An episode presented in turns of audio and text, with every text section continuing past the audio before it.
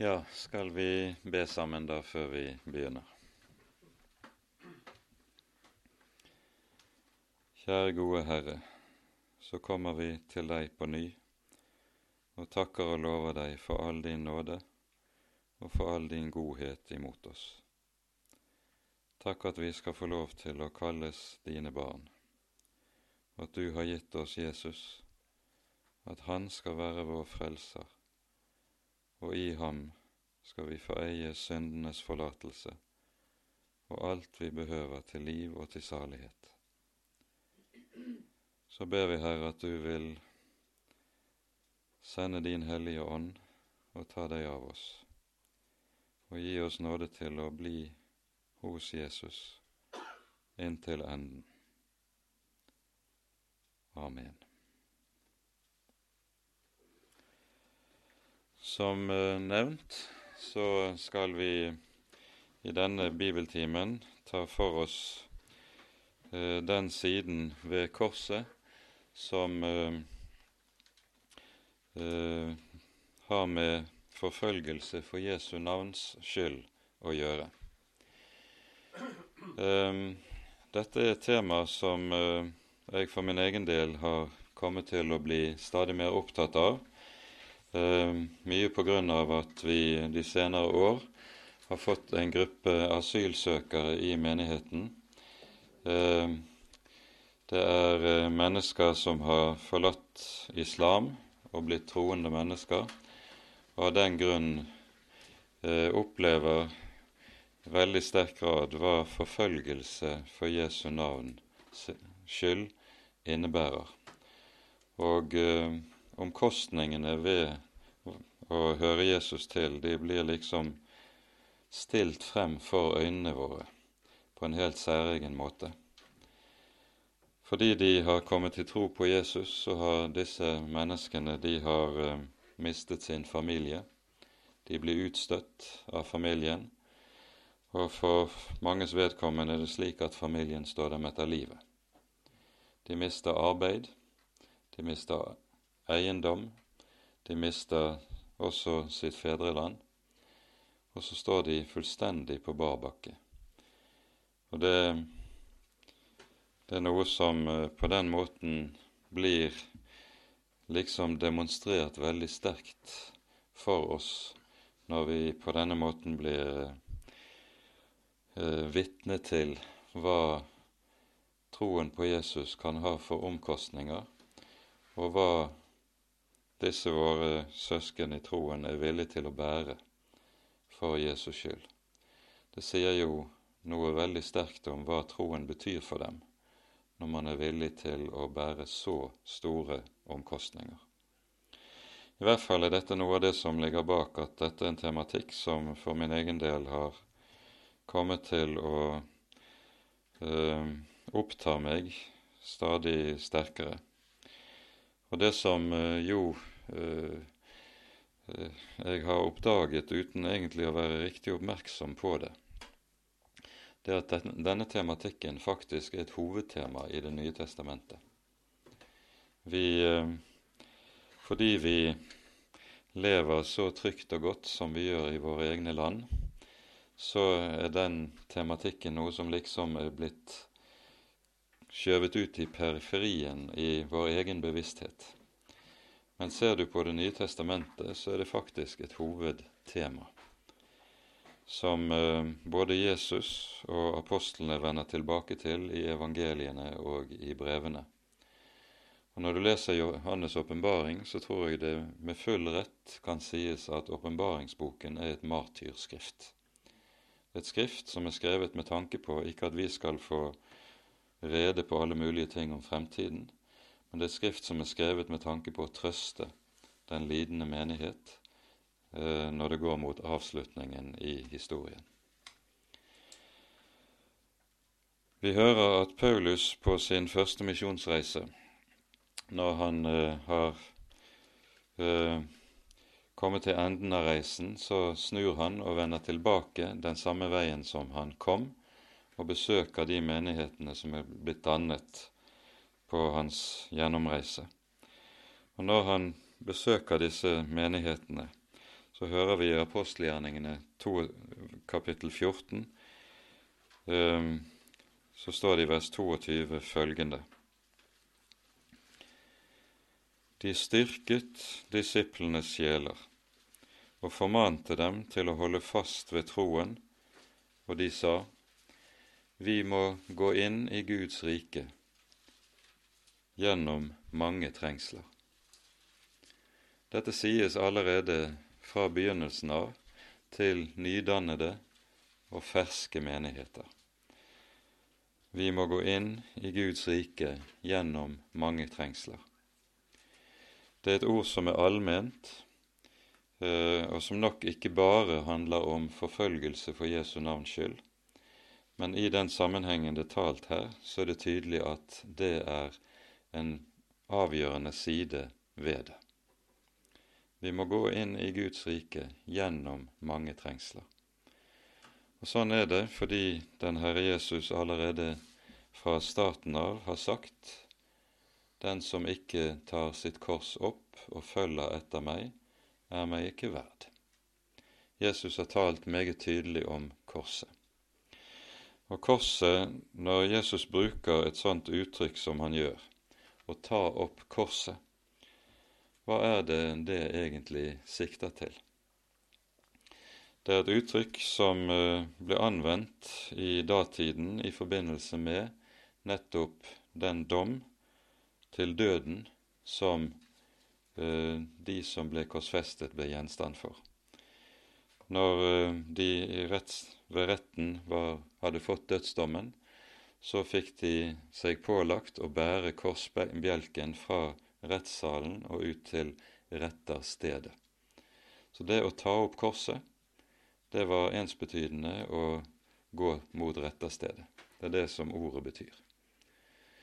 Det er nokså, et nokså brutalt uttrykk, og at Jesus anvender dette, det har antagelig for hans tilhørere fortont seg som komplett ubegripelig. Hva i alle dager kan han mene med noe slikt? Noe tilsvarende lød aldri fra en rabbiners munn. Men i Jesu munn er dette altså et ord som gjentas ved en rekke ulike anledninger, som vi så det i går. Når Paulus på, sitter i sitt siste fengselsopphold, skriver han andre Timotius brev. Antagelig er det sånn at de første fangenskapsbrevene, Filippabrevet, Kolosserbrevet og Feserbrevet, de ble skrevet under hans første fengsling, den som vi hører om i slutten av apostelgjerningene. Eh, men ifølge kirkefedrene så ble da Paulus løslatt fra dette fangenskapsoppholdet, og så gripes han igjen senere under keiser Neros forfølgelse. Og det er da han skriver andre Timotius brev. Og her vet han at nå skal han ikke løslates mer. Jeg har fullendt løpet, stridd den gode strid, skriver han i slutten av brevet, og er fullt på det rene med hva som nå forestår, det er martyriet. I kapittel 1 skriver apostelen i det tolvte verset her i dette brevet følgende. Derfor lider jeg dette, men jeg skammer meg ikke ved det, for jeg vet på hvem jeg tror. En veldig viktig vers. Derfor lider jeg dette. Det er fangenskap, det er lenker, og det forestående martyrium. Men, sier han, jeg skammer meg ikke ved det, for jeg vet på hvem jeg tror. Og dette er noe det er denne setningssammenstillingen vi skal legge nøye merke til. For det som jo var en fristelse i Romerriket den gangen, det var jo nettopp å skamme seg ved det en led. Det som budskapet som de kristne trodde på, det ble sett på som en dårskap. Det var et budskap som vakte det aller største anstøt, sånn som vi hørte det i går. Og så er det en fristelse å skamme seg ved det og be om, så å si, om unnskyldning på Guds vegne for at en i det hele tatt har en slik tro. Men i stedet sies det altså 'jeg skammer meg ikke ved det'. For, for jeg vet på hvem jeg tror. Det er bevisstheten om hvem Hans Herre er, hvem Jesus er, hva Jesus har gjort, hva det er han eier i troen. Det er bevisstheten om hva dette innebærer. Det gjør at han slett ikke skammer seg over dette, selv om alle andre søker å gjøre til skamme. I apostelgjerningen i det femte kapittel så hører vi om hvordan eh, Peter og Johannes har vært grepet. De har vært forhørt av Det høye råd. Og eh, vi hører Gamaliel gripe inn for å eh, stagge vreden mot de første kristne. Men før Peter og Johannes løslates, så eh, får de stokkeslag. Og så løslates de. Og så står det om Peter og Johannes at de gikk ut derifra glade for å være aktet verdige til å bli vanæret for det navns skyld. Altså det stikk motsatte av å skamme seg over Kristi navn. De var tvert om så å si stolte over at de var ansett som verdige til dette å lide for Jesu navns skyld. Og Det samme hører vi hos Paulus i Filippabrevet. I eh, det første kapittelet i eh, Filippabrevet, som jo altså er et av fangenskapsbrevene, eh, der Paulus selv sitter fengslet og oppmuntrer menigheten i Filippi. Det er jo tankevekkende at nettopp dette fangenskapsbrevet også kalles for gledens brev. Han sitter ikke og gnurer og sørger og klager i fengselet, men i stedet er det gledens brev som sendes ut til menighetene derfra.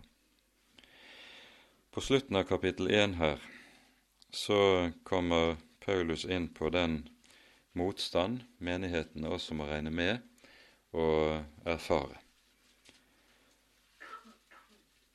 Så vi leser fra vers 27 til 29. Se bare til at dere lever et liv som er Kristi evangelium verdig, slik at jeg, enten jeg kommer og besøker dere, eller er fraværende, kan få høre om dere at dere står fast i én ånd og med én sjel kjemper for troen på evangeliet. Og på ingen måte la dere skremme av motstanderne. For dem er det et varsel om fortapelse, men for dere er det et varsel om frelse, og det fra Gud. I det dere har fått den nåde, ikke bare å tro på Kristus, men òg å lide for Hans skyld. Her kalles altså det å lide for Jesu navns skyld det er en ære, og det er en nåde. Det er ikke en vanære og noe ganske nedverdigende, men det er altså en nåde. Og Når vi leser kirkehistorien og hører om hvorledes den eldste kristne kirke eh, taklet nettopp martyriet, forfølgelsen, for det var jo 300 år med perioder med uhyre rå forfølgelse av kirken, før den fikk fred under keiser Konstantin, så er det slik at martyrene var de som ble æret fremfor noen i menighetene. Og det å være martyr, det var noe som ble sett på som den aller største heder og ære i menighetene. Det er en helt annen måte å forholde seg til lidelse og forfølgelse enn vi ofte er vant til å tenke.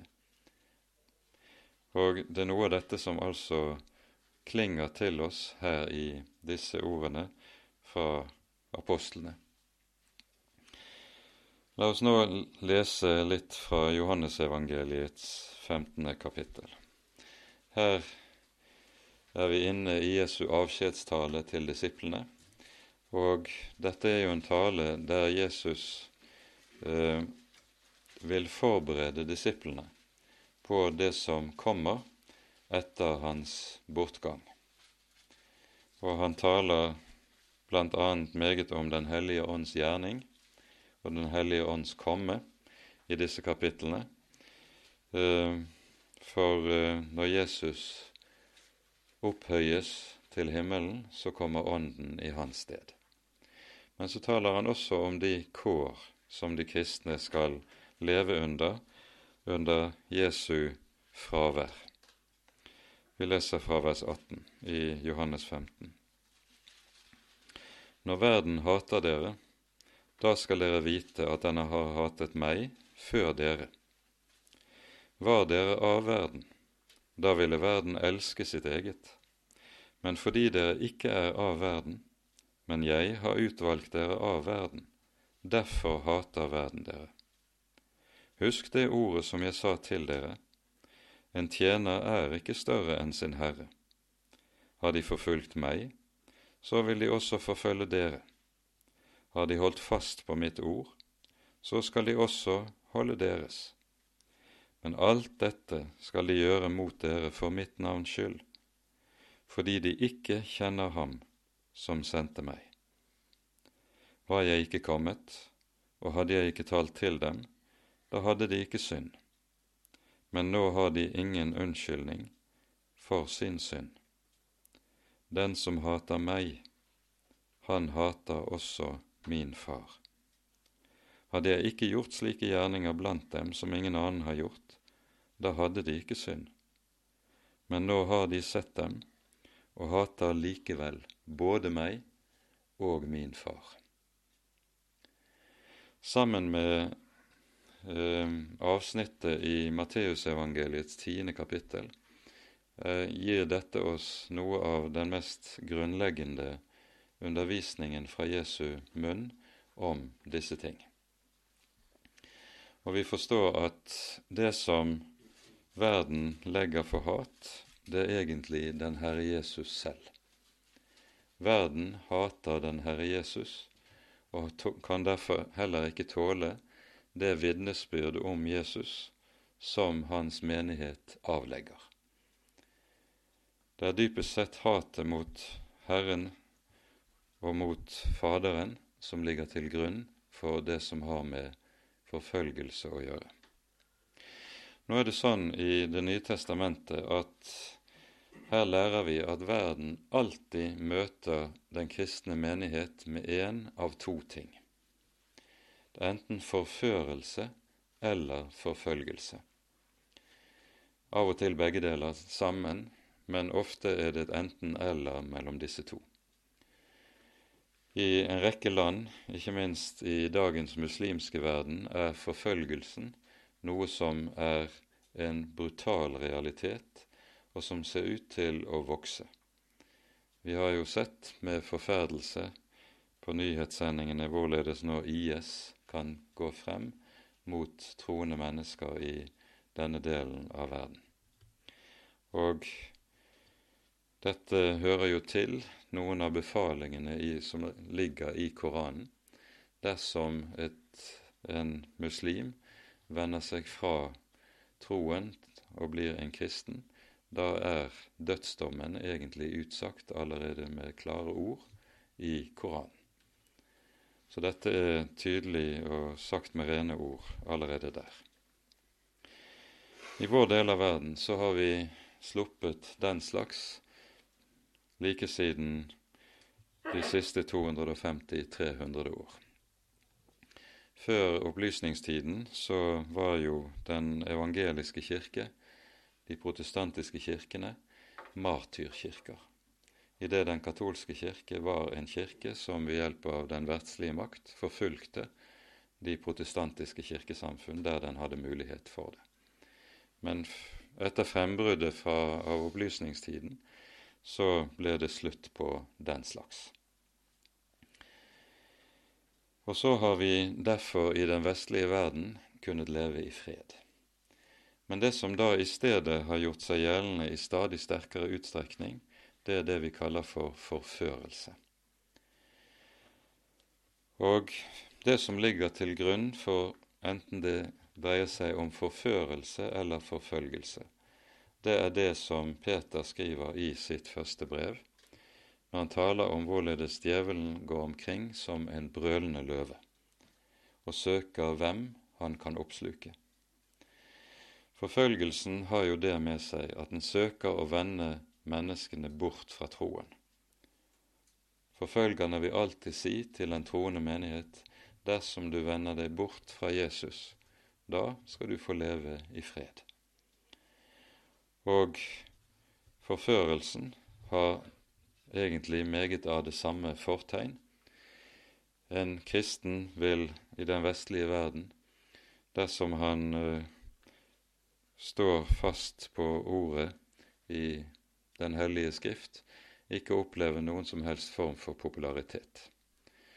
Det er et anstøt, og det er en stadig forførelse som gjør seg gjeldende til å vende seg bort fra ordet. Og det å vende seg fra ordet til andre sorter lærdommer, hvordan de nå enn er, det er i Bibelen ensbetydende med å vende seg bort fra den Herre Jesus. Det å forkaste ordet å forkaste Jesus, det er i Det nye testamentet én og samme sak. Det er ingen forskjell på de to tingene. Men så må vi reise spørsmålet hva er det egentlig som ligger bak dette? dette at verden ikke kan tåle dette vitnesbyrdet? Hva er det som gjør at verden stadig møter den troende menighet med dette, enten forførelse eller forfølgelse? Og Her lærer Bibelen oss at dette er noe som går tilbake helt til historiens begynnelse, i det vi kan lese i Første Mosebok som skjer i forbindelse med og etter syndefallet og vi skal ta oss tid til å stanse opp for noe av det. Da må vi gå til Første Mosebok, kapittel fire, i første omgang. Her er det vi hører historien om Kain og Abel, og det er viktig å være oppmerksom at dette er ikke bare en historie om et, det første drap. Det er noe langt mer enn så. Adam holdt seg til sin hustru Eva. Hun ble med barn og fødte Kain. Da sa hun, Jeg har fått en mann ved Herren. Siden fødte hun Abel, hans bror. Abel ble sauegjeter, Kain jordbruker. Da en tid var gått, skjedde det at Kain bar frem for Herren et offer av markens grøde. Abel ba også frem et offer, som han tok av de førstefødte lam i flokken og av deres fett. Og Herren så til Abel og hans offer, men til Kain og hans offer så han ikke. Da ble Kain forbitret og stirret ned for seg. Og Herren sa til Kain, Hvorfor er du så forbitret, og hvorfor stirrer du ned for deg? Er det ikke så at dersom du har gått i sinne, da kan du løfte ansiktet men har du ikke gått i sinne, da ligger synden på lur ved døren. Den har lyst til deg, men du skal herske over den. Kain talte til Abel sin bror, og da de en gang var ute på marken, for Kain løs på sin bror Abel og slo ham i hjel. Da sa Herren til Kain, Hvor er Abel, din bror? Han svarte, Jeg vet ikke er jeg min brors vokter? Men han sa, Hva har du gjort? Røsten av din brors blod roper til meg fra jorden. Nå skal du være bannlyst fra den jord som åpnet sin munn og tok imot din brors blod av din hånd. Når du dyrker jorden, skal den ikke mer gi deg sin grøde. En flyktning og en vandrer skal du være på jorden. Da sa Kain til Herren, min skyld er større enn at jeg kan bære den. Se, du har i dag drevet meg ut av landet, og jeg må skjule meg for ditt åsyn. Jeg blir en flyktning og en vandrer på jorden. og det vil gå slik at hvem som helst som finner meg, kommer til å slå meg i hjel. Men Herren sa til ham, Dersom noen slår Kain i hjel, skal det hevnes syvfold. Og Herren satte et merke på Kain for at ingen som møtte ham, skulle slå ham i hjel. Så dro Kain bort fra Herrens åsyn og bosatte seg i landet Nodd, øst for Eden.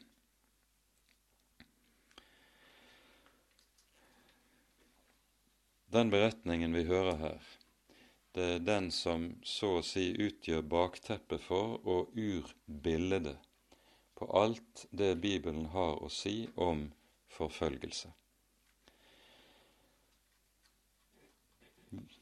Det begynner med at vi hører at Herren tar imot offeret av Abels hånd, men ikke offeret fra Kains hånd.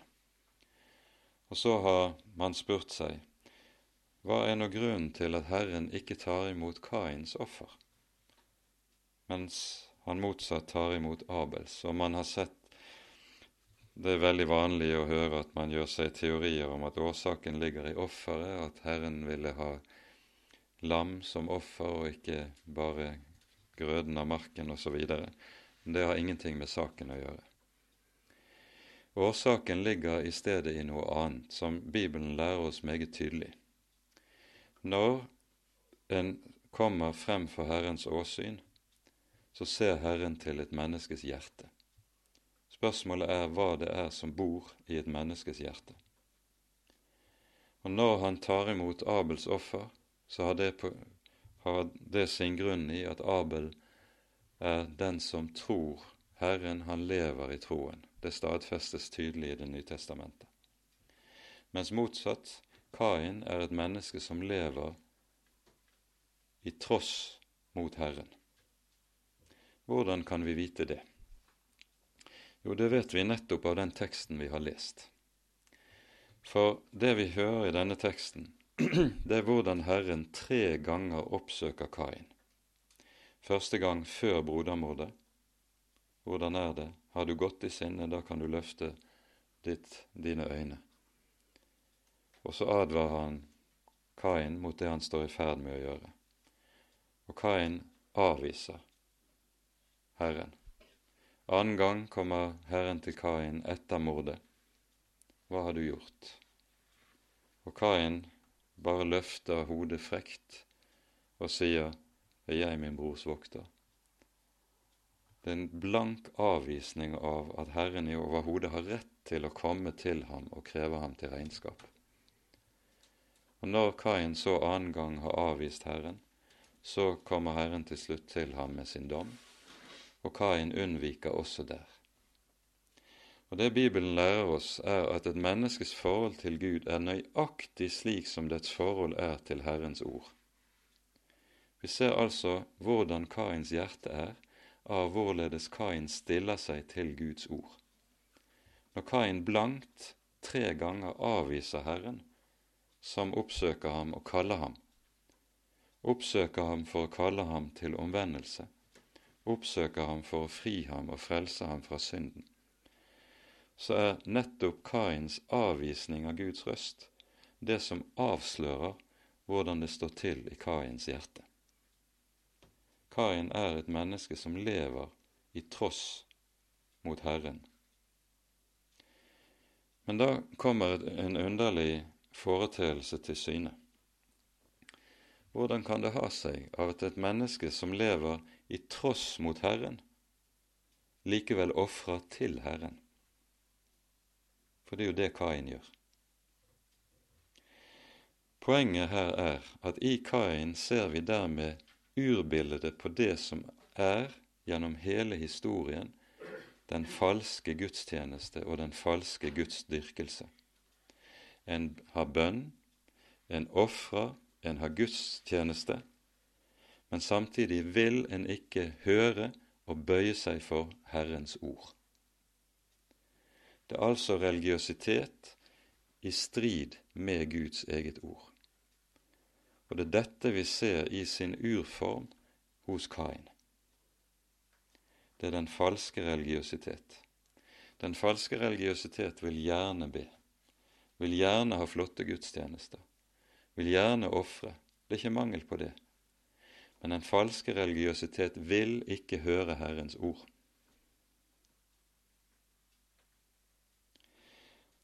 Og Det vi slik ser hos Kain, det er jo det som stadig er Israels problem oppover gjennom hele dets historie, og det er det profetene stadig kjemper imot når du ser, når du leser de ulike profetenes skrifter. Det er den falske religiøsitet. Det er ikke mangel på religiøsitet i Israels folk. De ofrer, de ber. Men de vil ikke høre Herrens ord, og det er deres nød. Og Derfor forfølger de profetene.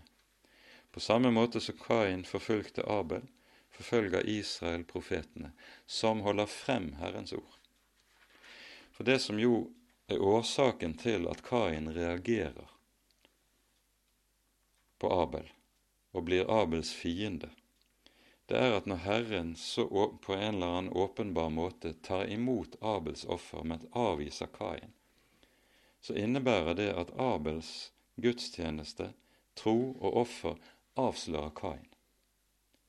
Av Kain avsløres som en som er falsk og det er noe som er utålelig.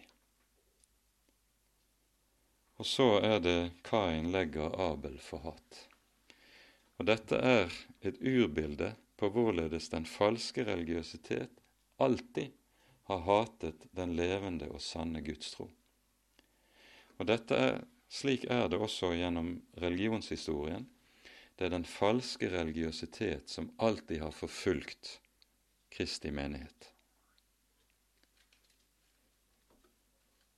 Det er den falske religiøsitet som alltid har stått der som forføreren, den som søker å forføre menigheten bort fra Herrens ord. Og Det er dette vi altså ser i sin urform i fortellingen om Kain og Abel. På denne måten er fortellingen om Kain og Abel eh, Bibelens konkretisering av det Herren sier allerede på syndefallets dag, i domsordene over slangen. I kapittel tre hører vi i, eh, om dommen over slangen etter fallet. Fra vers 14 og 15. Herrens Gud sa til slangen, fordi du gjorde dette, skal du være forbannet fremfor alt fe og fremfor alle markens dyr. På buken skal du krype, og støv skal du ete alle ditt livs dager. Og så kommer det. Fiendskap setter jeg mellom deg og kvinnen, mellom din ett og hennes, ett. Herren har satt et fiendskap mellom slangens sæd og kvinnens sæd. Og det fiendskapet skal være og skal bli stående der så lenge denne verden står. Og det er dette fiendskapet som kommer til syne i forholdet mellom Kain og Abel, der Kain dreper sin bror. Utgangen på Kains liv er det som vi hører i det 16. verset som vi leste. Så dro Kain bort fra Herrens åsyn og bosatte seg i landet Nådd, øst for Eden. Ordet nåd betyr landflyktighet, og dette er helt konkret ment. Kain bosetter seg borte fra Gud. Han etablerer et liv, en kultur, som er uten den levende Gud. Den er ikke uten religiøsitet, har vi forstått, og ikke uten religiøsitetens ytringer, men den er uten Gud. Det er Kains kultur og Kains ættens kjennetegn. Og hva som kjennetegner Kains etterkommere, leser vi så i, videre i kapittel fire. Her er det volden tar overhånd. Her er det verdsligheten tar overhånd. Her er det seksualiteten gradvis perverteres i første omgang gjennom flerkoneriet som gjør sitt inntog, osv. Dette er Kains, kulturens, ytringer idet den lever borte fra Herrens åsyn. Det er slik at av, disse kapitlene i Bibelens begynnelse er overmåte viktige, fordi er, i Bibelen er det slik at når du ser en sak i sin begynnelse, så ser du også en sak i sin typiske form. Og det er det som er poenget med at vi hører om Kain og Abel her i det fjerde kapittelet i Første Mosebok. Når Herren setter fiendskap mellom slangen og kvinnen, mellom slangens ett og kvinnens ett, så henger det sammen med noe som er en grunnlov i alt som er Guds virke her i tiden og her i verden. Og Grunnloven lyder til oss allerede i det første kapittelet i Første Mosebok, der vi hører om skapelsen. I begynnelsen skapte Gud himmelen og jorden. Og så hører vi om Guds første skapergjerning. Da sa Gud, det blir lys, og det ble lys. Og Gud så at lyset var godt, og så kommer det, og Gud skilte lyset fra mørket. Gud, i sin skapergjerning, så er han ikke bare en som skaper og frembringer alt godt av intet men i sin skapergjerning så utfører Gud også en atskillende gjerning.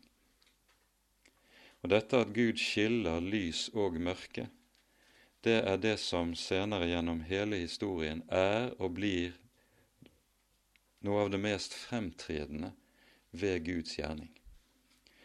Mens det som kjennetegner menneskets gjerning stadig gjennom historien, er at de blander lys og mørke så blir det uklarhet, så blir det tåke, så blir det nød, så blir det alt det som preger menneskets liv, idet menneskene hindres fra å se klart lyset. Gud skilte lyset fra mørket. Han kalte lyset dag, og mørket kalte han natt.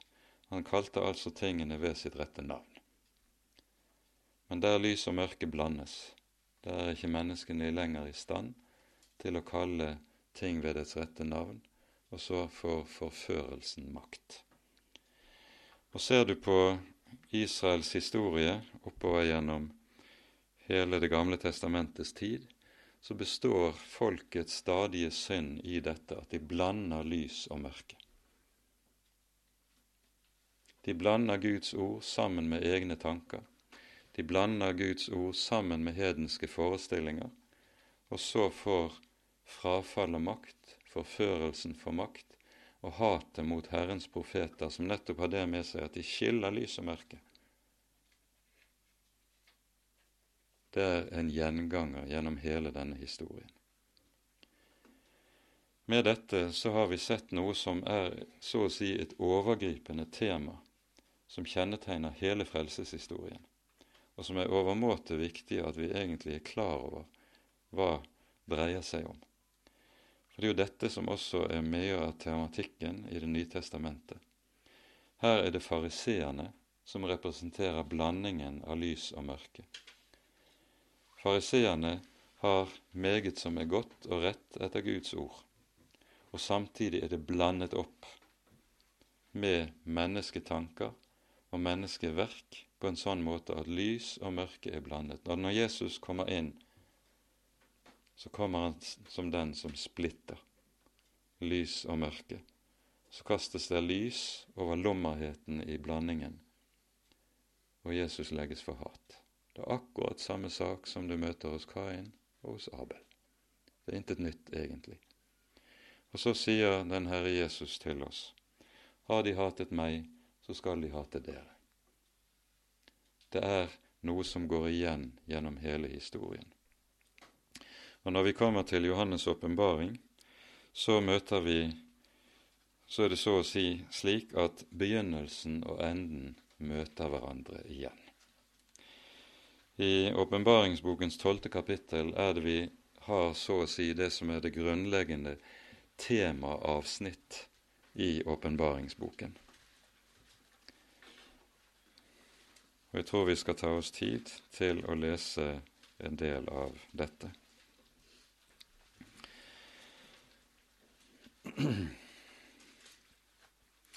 Et stort tegn ble sett i himmelen, en kvinne kledd med solen og månen under hennes føtter, og på hennes hode en krone av tolv stjerner. Hun var med barn og skrek i barnsnød og i fødselsveier. Og et annet tegn ble sett i himmelen, og se, en stor ildrød drage som hadde syv hoder og ti horn på sine hoder og sju kroner.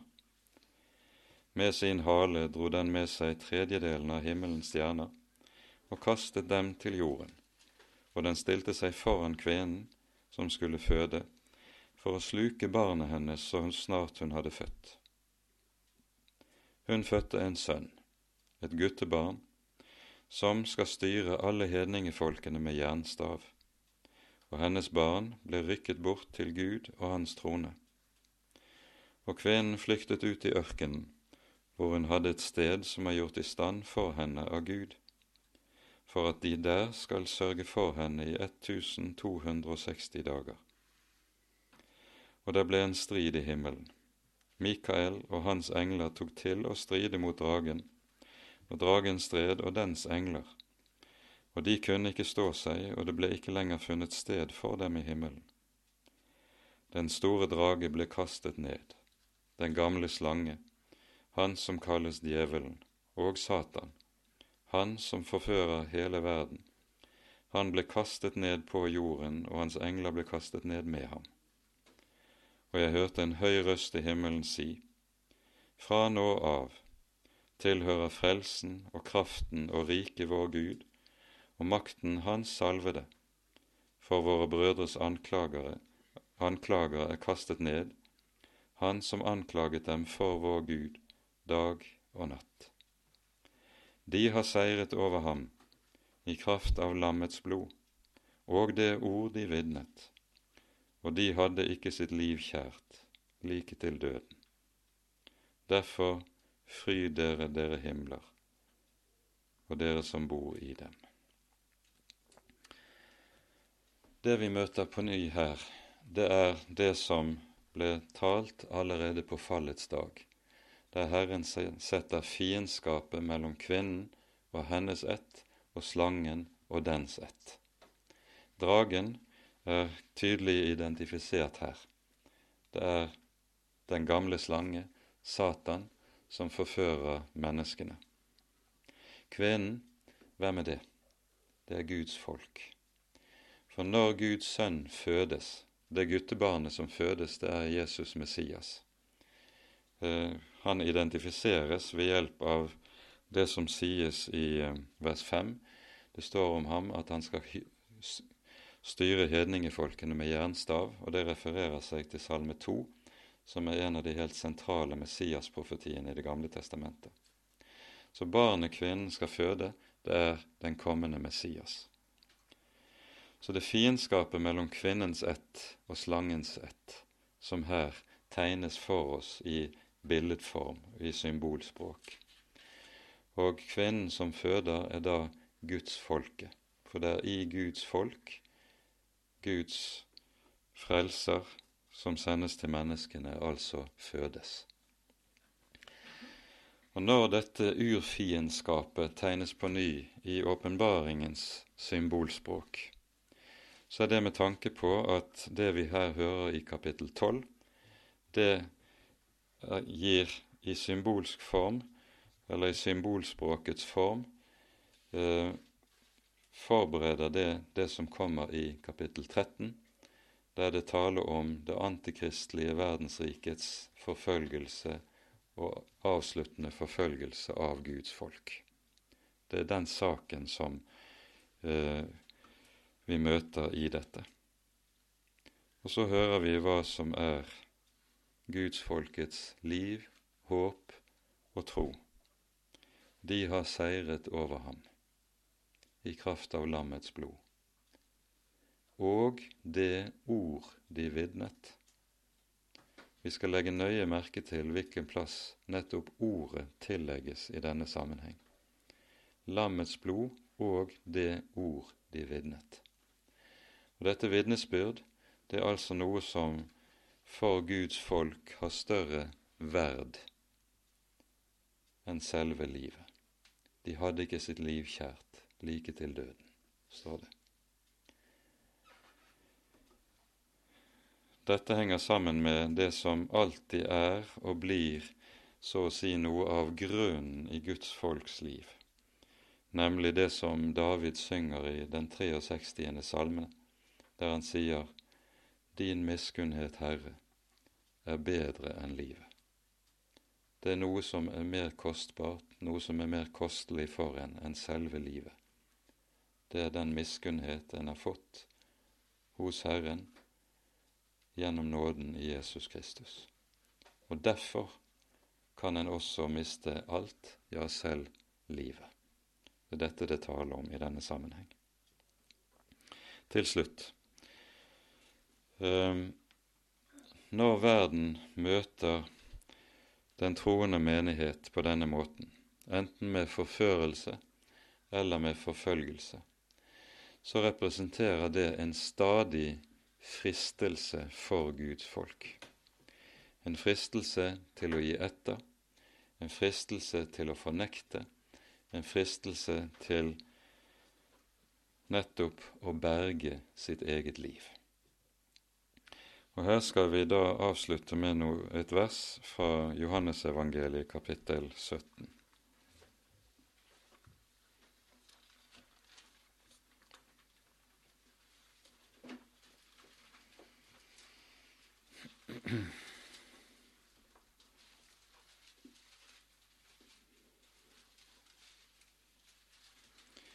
Her er vi inne i Jesu ypperste prestelige bønn.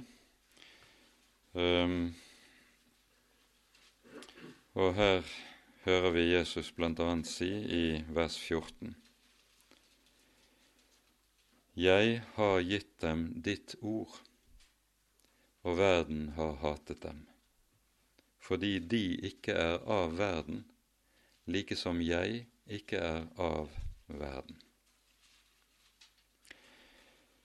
Når Jesus skal sammenfatte sitt stell med disiplene i løpet av de tre årene de har vært i hans følge, så sammenfattes dette ved hjelp av denne enkle setningen Jeg har gitt dem ditt ord. Han har lagt sitt ord ned i disiplene. Og det at Jesus har lagt sitt ord ned i disiplene, det har fått en følge, bestemt følge. Verden har hatet dem fordi de ikke er av verden, like som jeg ikke er av verden. Poenget er Jesu ord er et virkekraftig ord. Jesu ord er et ord som har den virkekraft i seg at det gjenføder et menneske og skaper det nye livet. Og det nye livet har det med seg, det samme med seg som Jesus sier om seg selv et annet sted i Johannesevangeliet. Han står i en samtale i Johannes 8 med en gruppe fariseere og sier dere er nedenfra, jeg er ovenfra. Dere er av denne verden, jeg er ikke av denne verden. Og Nå sier Jesus altså om disiplene, de som han har lagt sitt ord ned i. De er ikke av verden, like som jeg ikke er av verden. Ordet har født dem ovenifra. Og Så kan Jesus vitne om dem og si de er ikke av verden, like som jeg ikke er av verden. De er kjennetegnet av noe av det samme som Jesus, gjelder Jesus selv. Men det som da følger, det er at verden møter dem med sitt fremmedhat. Vi vet hva fremmedhat er. Mennesker med en annen kultur, med andre skikker, med annet språk, med andre vaner, kommer til landet vårt. Og så, når de ikke er som oss, så sies det 'Hvorfor kan ikke dere bli som oss?' Hvorfor skal dere være annerledes? Og nettopp dette er det denne verden møter den troende menighet med. Hvorfor skal dere være annerledes? Hvorfor kan ikke dere være som oss? Hvorfor kan ikke dere tenke som oss? Er dere bedre enn oss?